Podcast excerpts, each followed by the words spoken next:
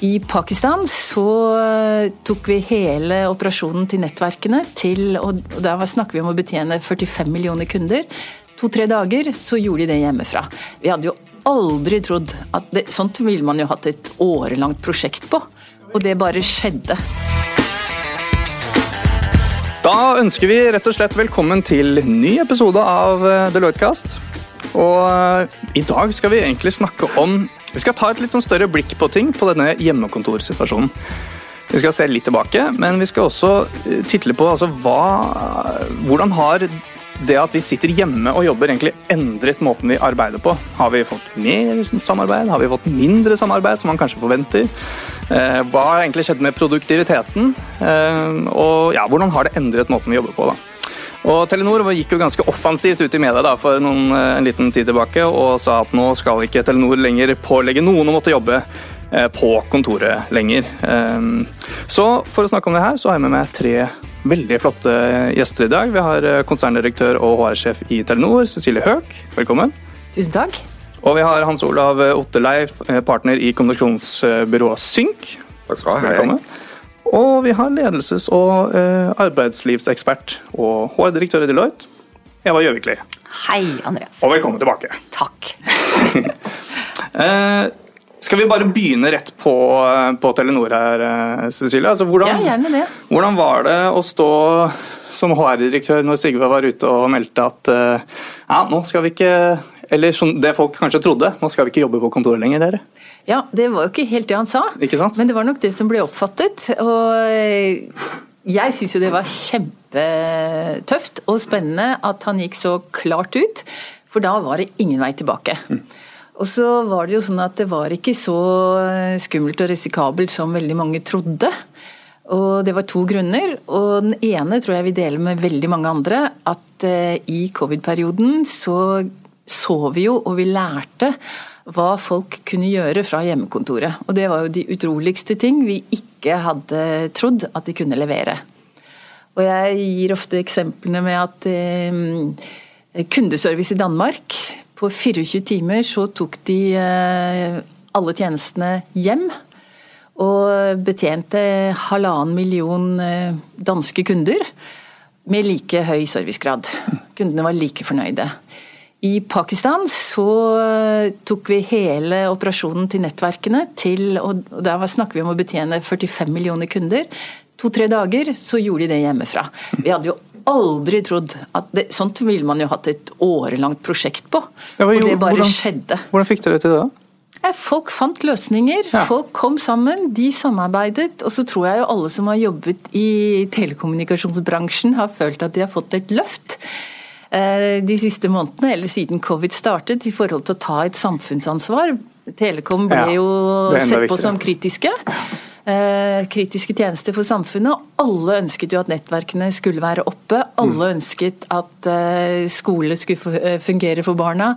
At folk skulle kunne jobbe hjemmefra. Så Det var et sånt samfunnsansvar som veldig mange følte på. Så Dere hadde kanskje en del folk som, fordi dere hadde samfunnskritiske roller, som faktisk måtte eller fikk lov til å være på kontoret? Da, I motsetning til mange andre noen, også. Ja. Litt sånn på mm, drift og sånn. Norge. Ja. Men dette var jo også da koblet sammen med at eh, Så vi lærte mye, og vi så hva vi, kunne, hva vi fikk til. Mm. Samtidig som vi i fjor kjøpte et finsk selskap, DNA telekomselskap eh, som har jobbet fleksibelt i eh, åtte år mm. med 1500 medarbeidere. Så vi har jo på en måte fått mye erfaringer mm. og lært litt om hva er utfordringene, hvordan har de jobbet, fordeler og ulemper osv. Og så så vi jo også at eh, folk trivdes. Vi gjorde jo mange undersøkelser, medarbeiderundersøkelser underveis. Folk følte de leverte. Det var positivt i forhold til dette her med å finne balansen mellom jobb og privatliv. Mm. Så var det jo og Det er litt interessant. Det må ja. vi komme inn på. Altså, hvordan kan det bli positivt? Ja. Hvordan blir work-life balance bedre når alt er life? Alt er bare hjemme? jeg tror jo en, ja, altså, en ting var jo at uh, veldig mange syntes at dette her med å, å, slippe å komme på jobb og sitte i kø hver morgen, mm. var en, en lettelse for mange. Og at det var lettere å, å få til uh, levering av barn uh, hvis de skulle leveres, eller å få til hele balansen hjemme. At det var lettere. Man hadde mer tid, det var mer konsentrasjon. En del mennesker, Vi har jo hatt denne debatten nå lenge om åpne landskap. en del mennesker følte jo endelig så fikk de jo levert slik de ønsket. Det... Så det har jo vært, eh, ja, men det har vært forskjellige opplevelser. Både positive og negative. Hva tenker du Eva, sånn om ledelse oppi det hele her, da? Når, eh, når, man plutselig ikke har folk rundt seg, og hva mm. krever altså, Har det vært en fordel på en eller annen måte med hjemmekontoret da, eller? Ja, det tror jeg absolutt. At eh, det kan være mange fordeler med det. Fordi ledere har mer avstand til medarbeiderne sine. Det kan man jo i utgangspunktet si at er negativt, men eh, man får heller ikke utøvd micromanagement og lede på detaljene. Mm. Og da er vi litt inne på det som Cecilie snakker om med det å ta ansvar, samfunnsansvaret, men også ansvar for å løse oppgavene selv uten at man blir styrt inn i det. Mm. Um, som gjør at uh, ja, det blir en annen selvstendighet da, mm. over mm. oppgavene. Men, tror, men ja. Ja. Er det ikke også sånn at hjemmearbeid har hatt et litt dårlig rykte, eller hjemmekontoret mm. har hatt et litt dårlig rykte. fordi at det har jo ofte vært forbundet med liksom at uh, snekkeren skal komme, ja. du skal til uh, altså Ting som hytte, ikke har med jobb ja. å gjøre. Mm. Skal, det har med syke barn å gjøre, det ja. har med hytta, komme direkte Helt fredag enig. etter jobb. ikke sant, Mye kjekkere å jobbe. Det er blitt mistenkeliggjort, rett og slett. Det har og det har vært knyttet til ting som ikke har med jobb å gjøre. Og så var det en ting til jeg har tenkt på, og det er at ofte ofte pga. dette her med landskap og for få stillekontor og stillerom og den type ting, så, så har det jo vært sånn at eh, når eh, noen har kommet til meg og spurt om de kan jobbe hjemme, så har det vært for å virkelig konsentrere seg. Mm. Og da har de ikke vært inkludert. Mm. Da har de jo ikke vært med på møter den dagen, for da er de hjemme. Mm. Da er de mm. utenfor. Mm. De, de, er ikke en del. Men nå har jo alle vært med fra start. Mm. Og veldig mange avdelinger har jo startet sammen med et uh, kjapt møte, mm. såkalt standup, men mm. digitalt. Mm. Så du, alle har vært inkludert fra hjemmekontoret. Og så er det som du sier, at alle har vært eh, veldig opptatt av å brette opp ermene og få det til. Eh, på en annen måte enn det man kanskje har vært i en sånn vanlig hverdagssituasjon. Så det har jo også gitt en flying start, da, tror jeg. Ja, det, tror jeg. det er en krisesituasjon, Enig. og dette skal vi faktisk komme godt ut av. Ja.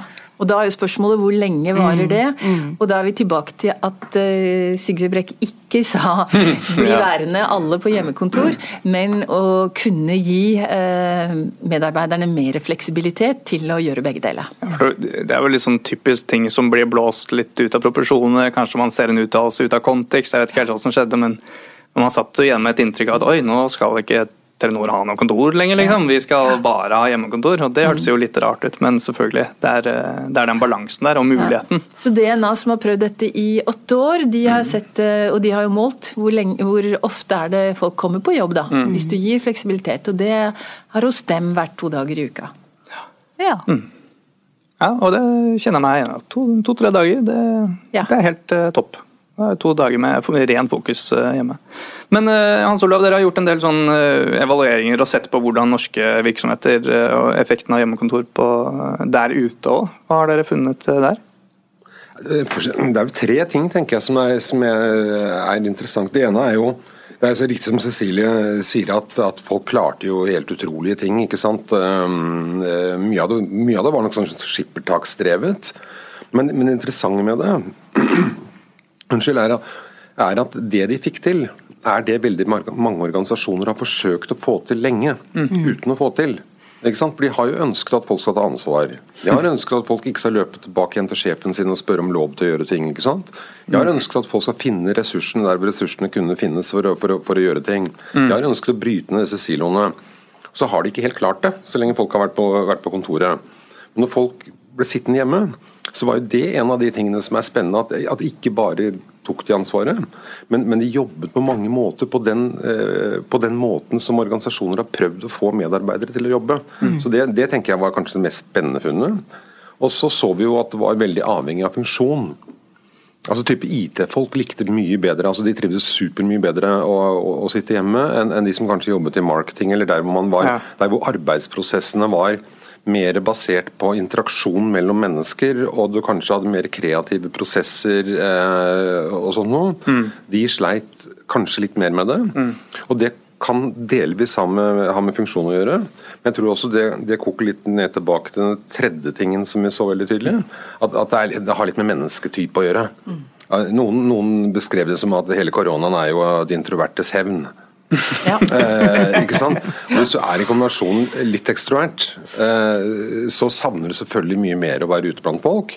Hvis du i tillegg er, har tendensen til å prokrastinere, sånn at, at eh, tid fremstår til noe som du kan bruke til noe annet enn det du skulle gjøre, og heller utsette, eh, det, de var liksom den gruppen som hadde vanskeligst, mm. eh, antagelig fordi trengte liksom litt den der disiplinen. Så så ledelsesmessig så, så, ble det overfor dem viktig å, å, ikke kontrollere, men sette små deadline. Sørget for at, sørget for at, for at de teamet opp med noen ikke sant, mm. i, i, arbeidsoppgaver og sånt. Så noen har jo sagt ifra at dette får jeg ikke til. Ja.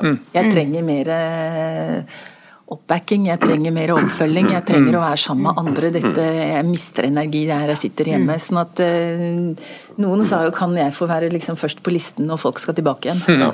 Det passer ikke for alle. og jeg, Derfor så tror jeg fleksibilitet og frihet er veldig viktig. Mm, og valget der. Og da tenker jeg også at det er litt avgjørende hvordan man utøver lederskapet sitt da, i den perioden. Eh, med hvordan skal vi følge opp de som faktisk trenger litt den tettere på eller tettere oppfølgingen. For det går jo an, selv om man er på hjemmekontor. Eh, og det går an å sette mål. Og det er kanskje noe av det også som vi har sett, eh, Hans Olav, med det å sette Eh, et felles mål som individet får enda større frihetsgrad til å nå. Eh, og så kan man følge opp det mer mm. eller mindre tett, litt avhengig av behovene til den enkelte. Ja, så vi, vi, har jo prøvd å gjøre noe med det i Telenor. så Forrige uke så lanserte vi for 660 ledere da vårt uh, nye konsept, som ikke er vårt, da, men som vi lanserte hos oss, på en måte i, og, og skred, med litt skreddersøm i forhold til våre forhold. Og dette er jo også forskningsbasert tilbake til 70-årene, sånn at det er ikke noe sånn nytt sånn sett. Eller vårt sånn sett. Men eh, tight, loose, tight. Og det går på det å være tight i forhold til å sette målene. Felles liksom eh, Dit skal vi. Felles retning. Loose i forhold til å la de ansatte finne ut hvordan de skal løse oppgavene. Og så tight i forhold til eh, oppfølgingen. oppfølgingen og læringen, og at mm. man lærer sammen. Mm. Og så er det jo ikke sånn at Den loose-biten er at du på en måte slipper de ansatte. Du må jo være en coach, og du må følge med. Og, og noen ganger så er det du som må ta vekk noen hindringer. Mm. Som bare du kan som leder. Så du må jo være tett på samtidig. Og Den er litt interessant, fordi det er noe med den derre man kaller det servant leadership. at Man er en som som du sier, fjerner hindringer. Man er nesten på jakt ute etter å mm. liksom sense hva, hvor er problemene nå, hva er det du mm. sliter med, hvordan kan jeg hjelpe deg? Eh, så du snur på en måte opp ned på lederrollen på en eller annen mm. måte. At eh, du er ikke en som dikterer, men du er en som hjelper og støtter alt det som skjer der nede. Det andre, det andre i, i, den forbindelse er jo at du introduserer tillit. Ja. Altså for, altså veldig mye, mye, av grunnen til at folk ikke har fått lov til å jobbe hjemme, er jo, er jo, er jo mistillit. Altså Du har ikke ja. trodd at folk mm. som har villet ta seg en hjemmedag, egentlig har tenkt å ta en hjemmedag. Uh, og, og, tilliten i organisasjonen. Og, og, vi ser jo det ikke sant, i organisasjoner som forsøker å delegere, ber folk om å ta ansvar. De får det ikke helt til, fordi den som blir bedt om å ta ansvar, føler kanskje ikke helt at han har helt tilliten. Og den som gir ansvar, oppfører seg heller ikke helt som om tilliten er der. Du har ikke gitt den helt fra deg? Du har ikke gitt den helt fra deg. altså mm. Kontrollen blir for, blir for sterk, og, mm. og, du er litt for opptatt av at, at oppdraget skal løses på den måten som du hadde selv, selv egentlig hadde tenkt at det skulle løses, selv om du sa alt fritt. Ja. Og jeg tror Det tenker jeg er en sånn, sånn element i det dere gjør nå som er spennende. Fordi, så må vi jo være ærlige at ja. veldig mange sjefer har aldri, meg selv inkludert, vi har aldri prøvd. Vi har aldri Nei, hatt hjemmekontor. Mm. Sånn at Det har jo vært manglende kunnskap om hvordan dette kunne fungere også. Mm. Men nå har vi jo erfart det og sett mm. at det kan fungere. Mm. Det er veldig mange som har fått en aha-opplevelse. Det er sider ved hjemmekontoret, dette er digresjon. Alright? Det er lov. Ja, det, det er digresjonsbasert podkast. Ja, tidlig, tidlig, på, tidlig på, på 2000-tallet så startet jeg et selskap, da bodde jeg i London sammen ja. med noen gamle kolleger. Og, vi, og Modellen var at vi hadde ikke kontor, alle jobbet hjemmefra.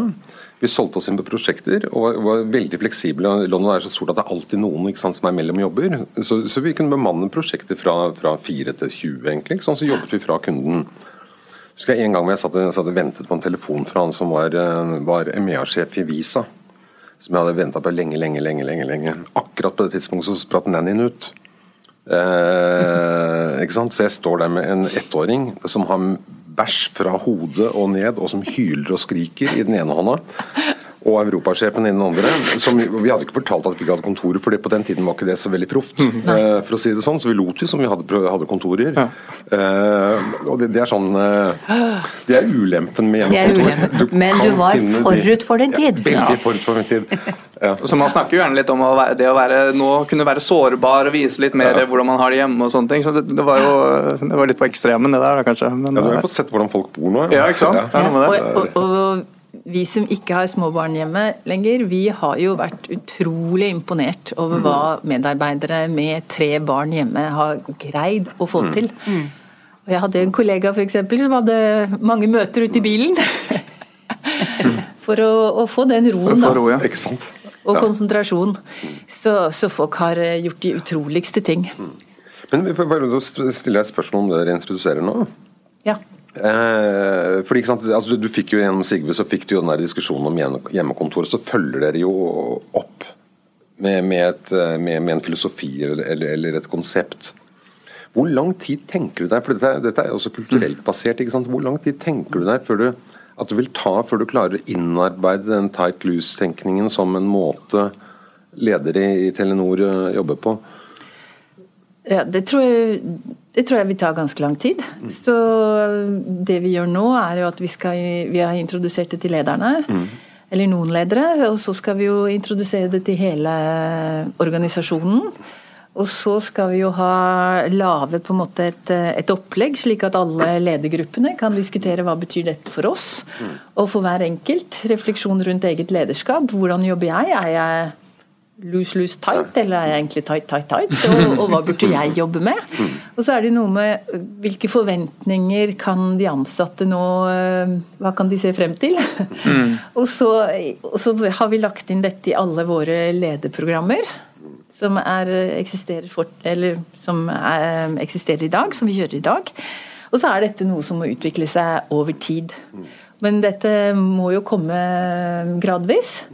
Men vi må snakke om det og hva det betyr for den enkelte. Og så kommer vi også til å ha eh, verktøy, slik at du kan finne ut litt selv eh, hvordan ligger jeg på den, hvordan blir jeg sett på av mine medarbeidere i forhold til tight loose tight, og hva må jeg arbeide med. Og det starter så. konsernledelsen, selvfølgelig. Og det starter konsernledelsen, så det har vi allerede satt av tid til å, å ha den diskusjonen. Og hva det mm. betyr Og vi har allerede utfordret hverandre litt. Hvor står du, og hvor står jeg, og i det hele tatt, og hva tenker du, og hvordan blir du oppfattet? Det er jo ofte en annen ting enn hva du tror om du, hvordan du utøver det selv. Det kan jo være to forskjellige ting. Men vi har jo også, etter at vi lanserte det, så har vi også dette konseptet med med fleksibelt arbeid, så, har vi også kjørt, eh, eller så kjører vi piloter. For Vi prøver ikke å si at vi har alle svarene, men vi kjører piloter nå i alle det vi kaller eh, stabsenhetene på gruppenivå i Telenor. Eh, vi kjører pilot i hele Danmark, Telenor Danmark. Og vi skal kjøre piloter i alle de BU-ene eller de forretningsenhetene hvor vi er i de forskjellige landene. Og det blir nok litt forskjellig. Folk kommer til å finne ut hva er det som passer for oss.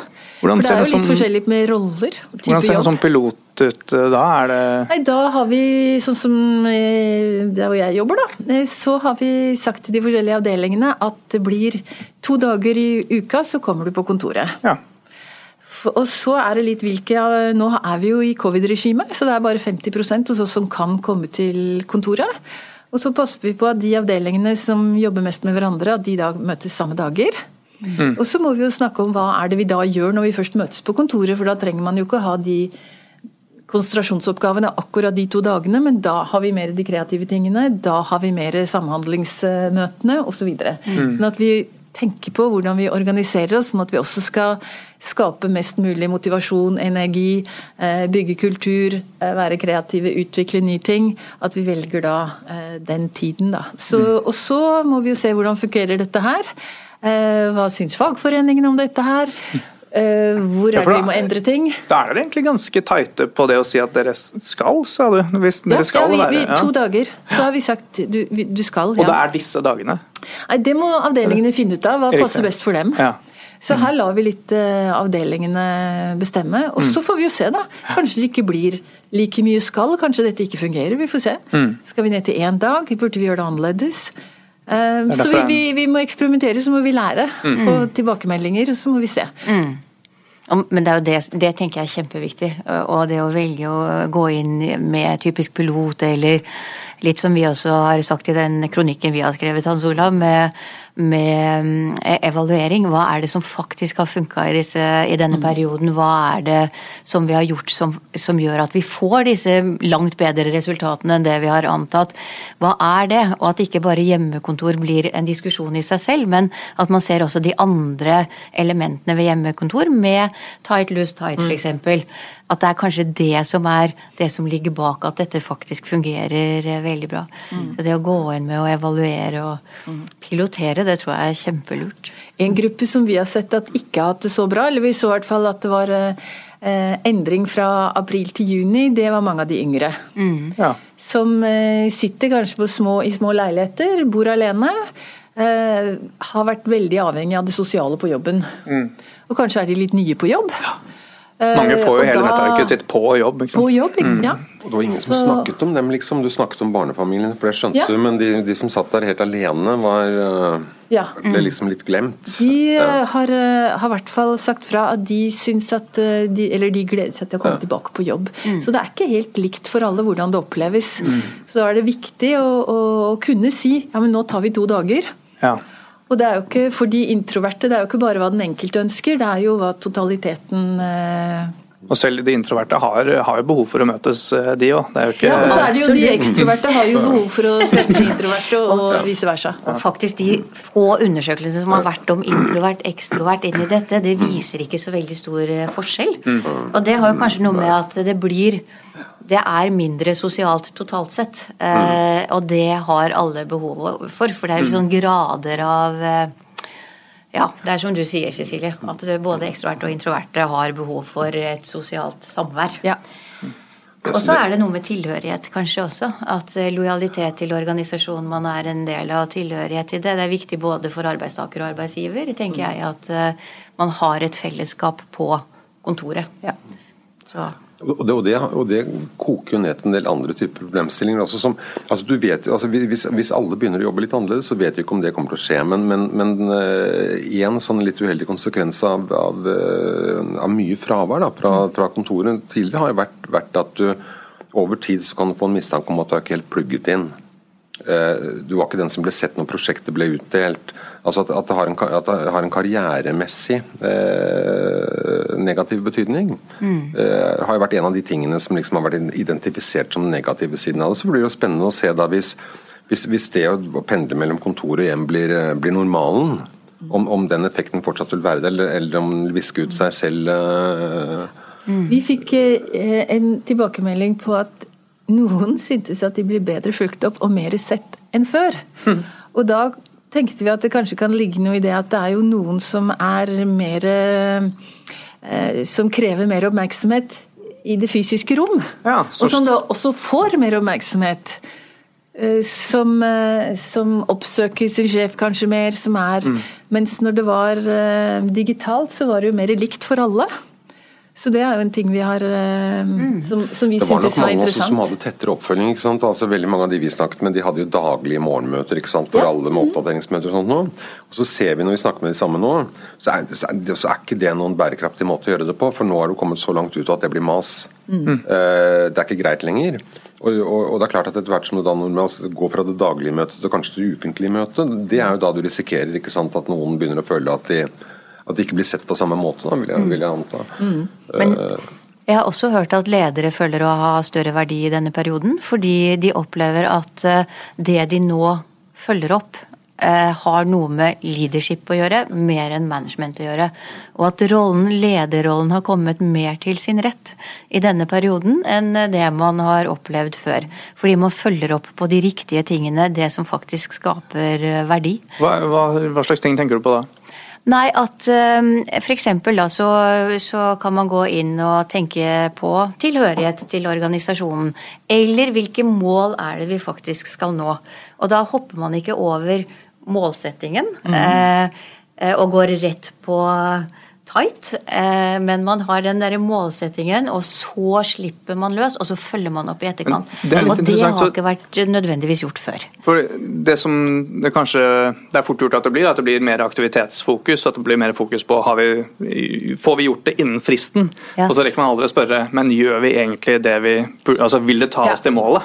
Ja, for erfaringene tror jeg er at det har vært Og så får du litt avstand til det, ja. og så ser du det på med et litt annet en perspektiv. Litt annen måte. Mm. Men det, og det, det er altså Fra mitt ståsted, som jo er, er kommunikasjon mer enn en HR, mm. eh, tross alt, så, så er det, det, er, det, er, vår hypotese oppi dette her, at, at uh, denne endringen kommer til å bli kommunikasjonstung. Og Da tenker jeg ikke på, på, på den, den, kommunikasjonen som egentlig skjer i teamet, men, men, men, men, kommunikasjonen som handler om hva denne virksomheten egentlig prøver å oppnå. Ja, retning, retning, retning, og strategi. Retning, strategi, mm. kultur. altså Hva er det som er ålreit å gjøre, hva er det som ikke er mm. ålreit å gjøre, hva er det som forventes.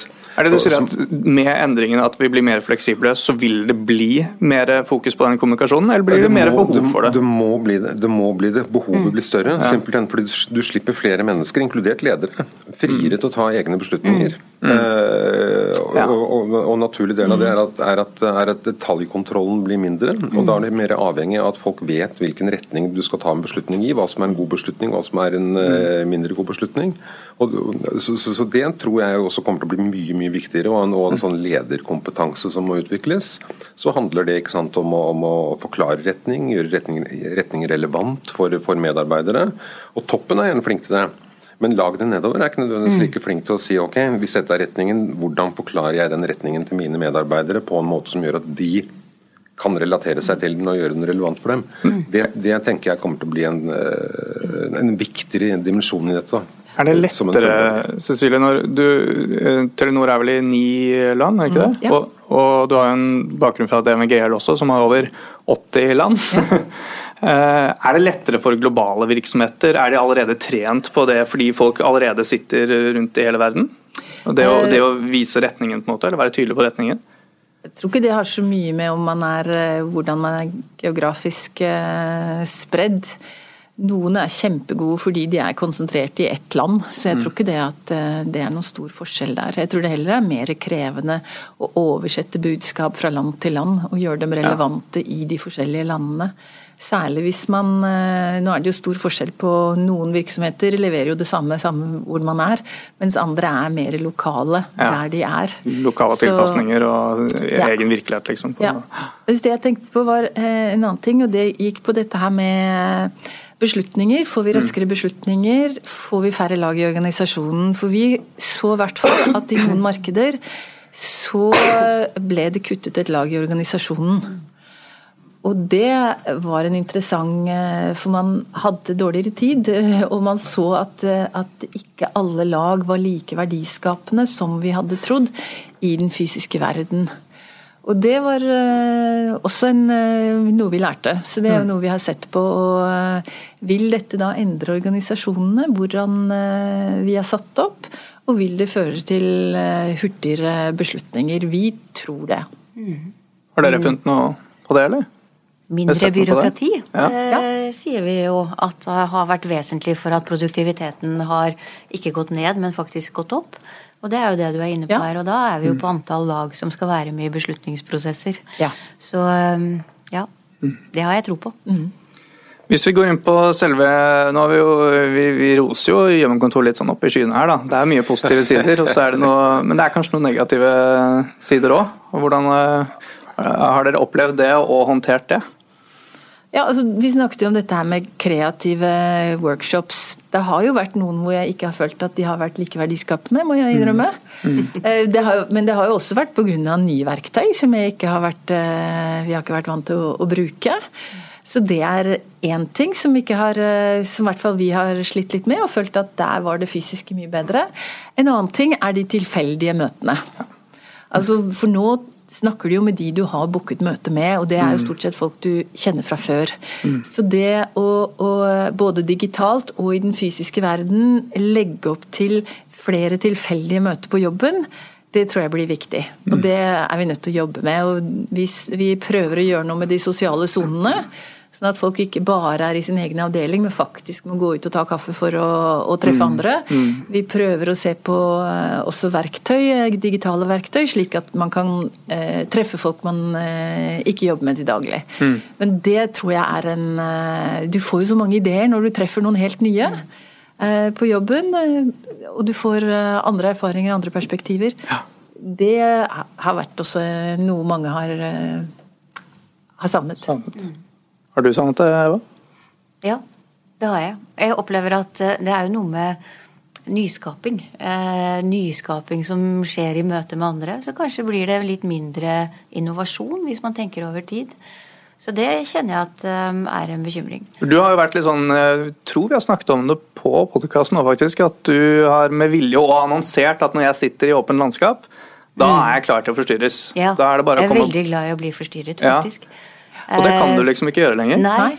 Nei, man blir i hvert fall forstyrret, blir, man blir forstyrret på en annen måte. Mm. Som ikke er like positiv som den der umiddelbare eh, informasjonsutvekslingen som skaper nye ideer. Hvordan får du de da nå, da? Nå kan jeg jo heldigvis dra på kontoret ja. innimellom, og jeg tror jeg har veldig stor tro på den fleksibiliteten. Eh, at man kan ha dager på kontoret og dager hjemme, mm. og at man gjør det som er hensiktsmessig her og der. Mm. Så det mm. har jeg veldig stor tro på. Og så er det én negativ ting til som jeg Vi var jo inne på work-life balance eh, i sted. Mm. Og så, ja. sa vi at det var positivt med hjemmekontor, og det tenker jeg at det i veldig stor grad er. Men det kan også være negativt, for ja. det blir litt grenseløst. Ja. Det er ikke de der mm. naturlige skillene mellom jobb, man går ikke ut, man setter seg ned på morgenen, møtene starter tidligere. I hvert fall er det min erfaring. Ja. At de starter ikke sånn klokka mm. åtte-halv ni lenger. Nå er det litt før det. De varer lenger.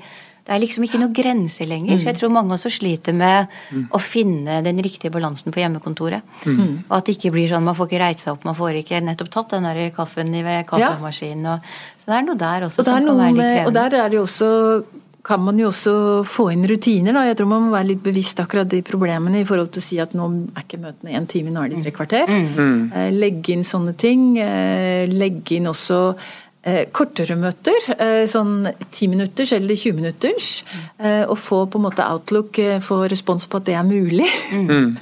få satt opp Outlook på den måten. Ja, for det har irritert meg over at det er ja, så vanskelig. At det er så vanskelig, men ofte så har du jo bare Du går bort til noen og skal spørre om noe, det er veldig kort, ja, ja, men det hjelper å se personen. Mm. Og det ønsker vi å få til i den digitale verden også. Mm. Så det er en del sånne ting som Og fagforeningene hos oss har vært veldig bekymret over det at folk mm. eh, at det er endeløst. Mm.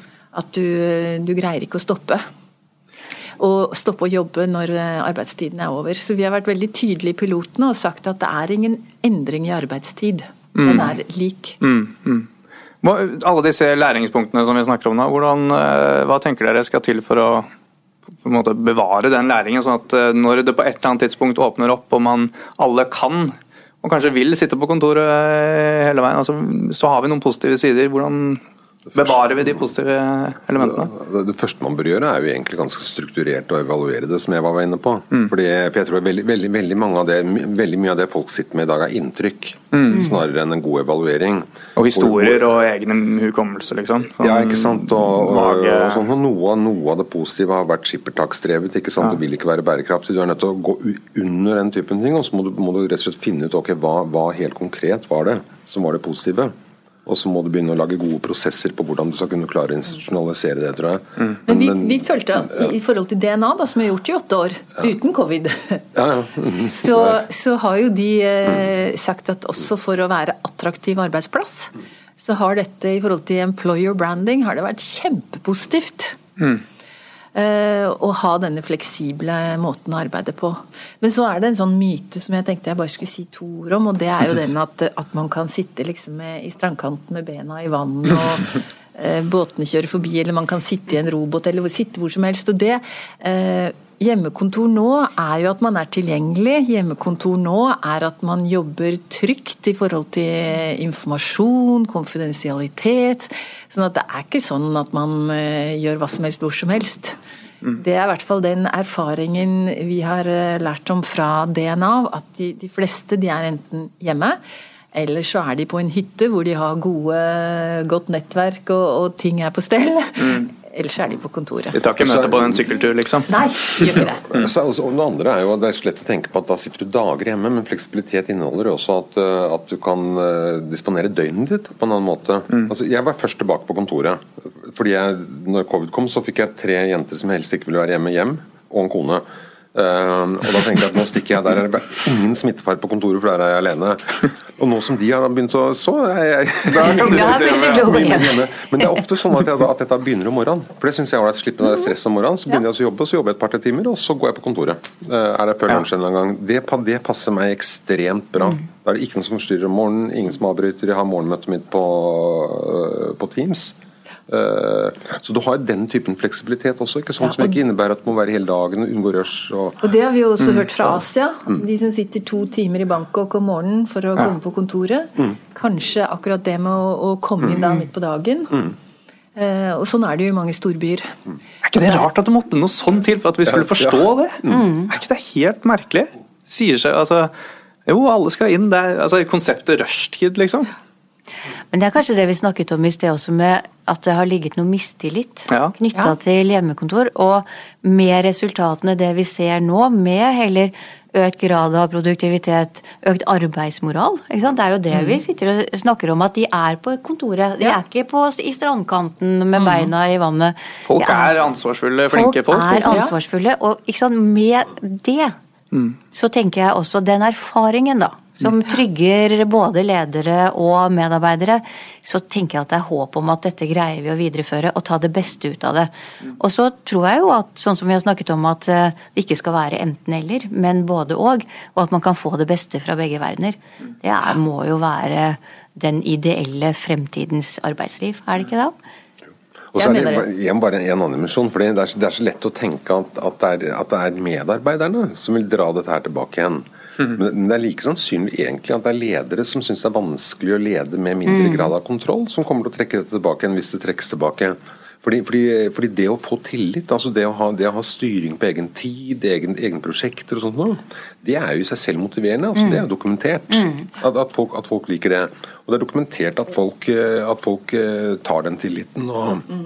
og sånn management by walking around, vet du, de som ja. likte det, de mm og som satset på den måten å, å, lede på. Det er klart at de gjerne vil ha medarbeiderne tilbake på kontoret.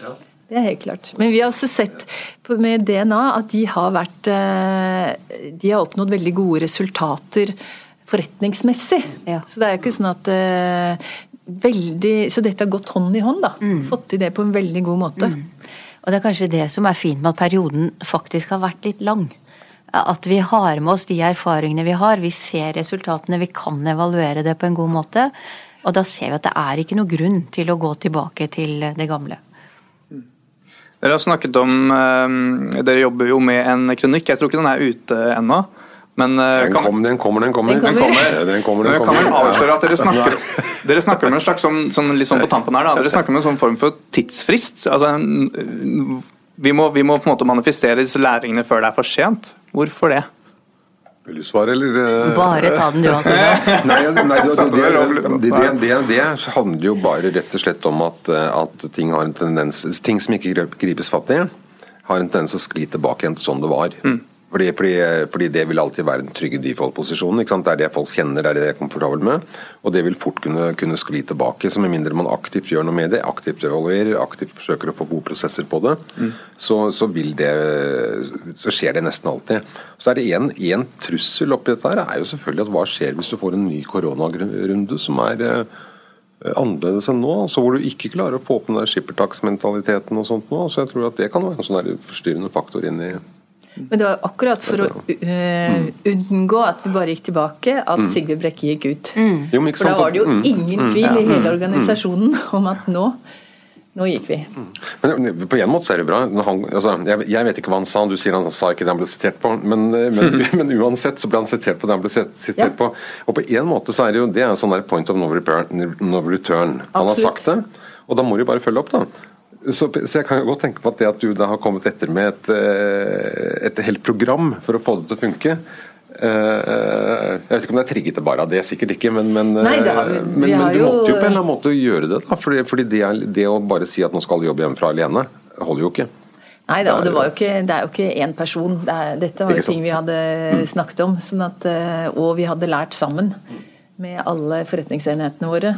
Og vi hadde da denne finske veldig gode erfaringen som lå i bunn. Mm. sånn at det var jo ikke det var ikke så stor risiko å gå ut med det, men det var den frykten for at alt skal tilbake til der vi var. Fordi at det er en sånn iboende eh, pendel som svinger tilbake. Så viktigheten av å lære og ta grep i forhold til den læringen, og så gå videre. Og jeg tror jo også folk i koronahverdagen har behov for noe nytt, og at de føler at vi går fremover, og at ting endres.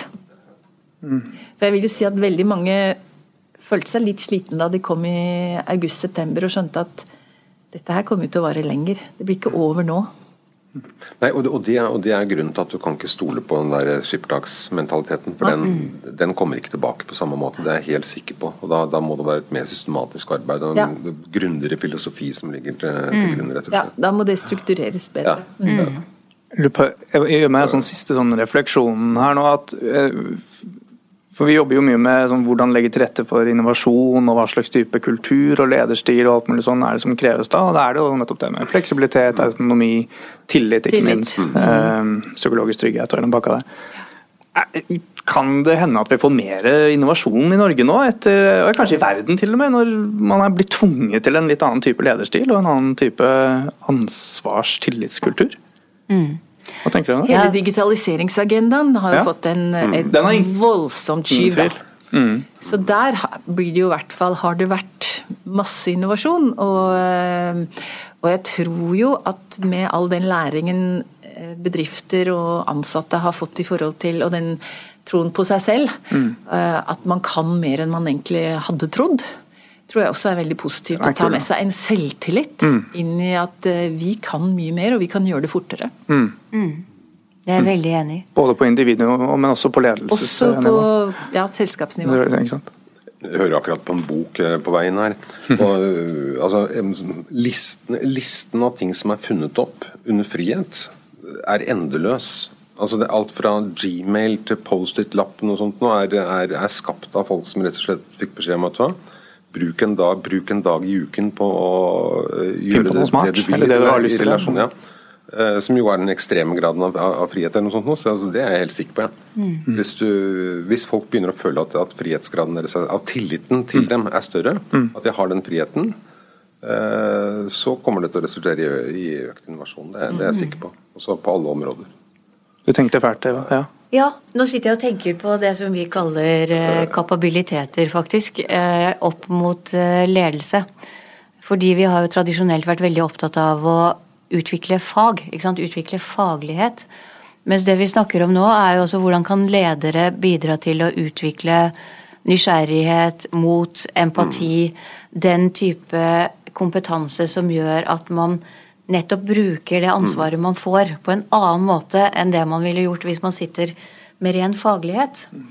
Og det har man også sett i denne perioden, at eh, det er den type egenskaper hos medarbeidere som virkelig gjør at produktiviteten øker, eller at effektiviteten ikke går ned. Fordi man tar Man bruker andre sider av seg selv enn det man tradisjonelt gjør. Fordi man ikke blir utsatt for detaljert styring. Så um, det er noe veldig spennende her som vi kan uh, gå inn i, tenker jeg. Hvis vi får til den psykologiske tryggheten i bunn, mm. og så kan vise den tilliten, så tror jeg folk vil uh, være mer nysgjerrige ja. og ta uh, større risiko. Ja. Er ikke det en deilig måte å avslutte på, da? Jo, det syns jeg. Nei, Jeg kunne sittet og pratet med dere i en evig, liten evighet til, eh, men eh, dere skal videre. Og jeg tror tiden vår er eh, ute. Men det var veldig spennende å snakke med dere alle tre, så tusen takk for at dere kom. Og så kan vi egentlig bare si at det er bare å fortsette å sende inn temaer og forslag til temaer og spørsmål på podcast.deloitte.no. Eh, og så må vi bare takke for at dere har fulgt med på denne episoden. Eh, jeg har kost meg, jeg håper dere har, eh, har kost dere litt. Og, og at Absolutt. lytterne og, og seerne våre har kost seg også. Så ses vi igjen om to uker. Vi høres.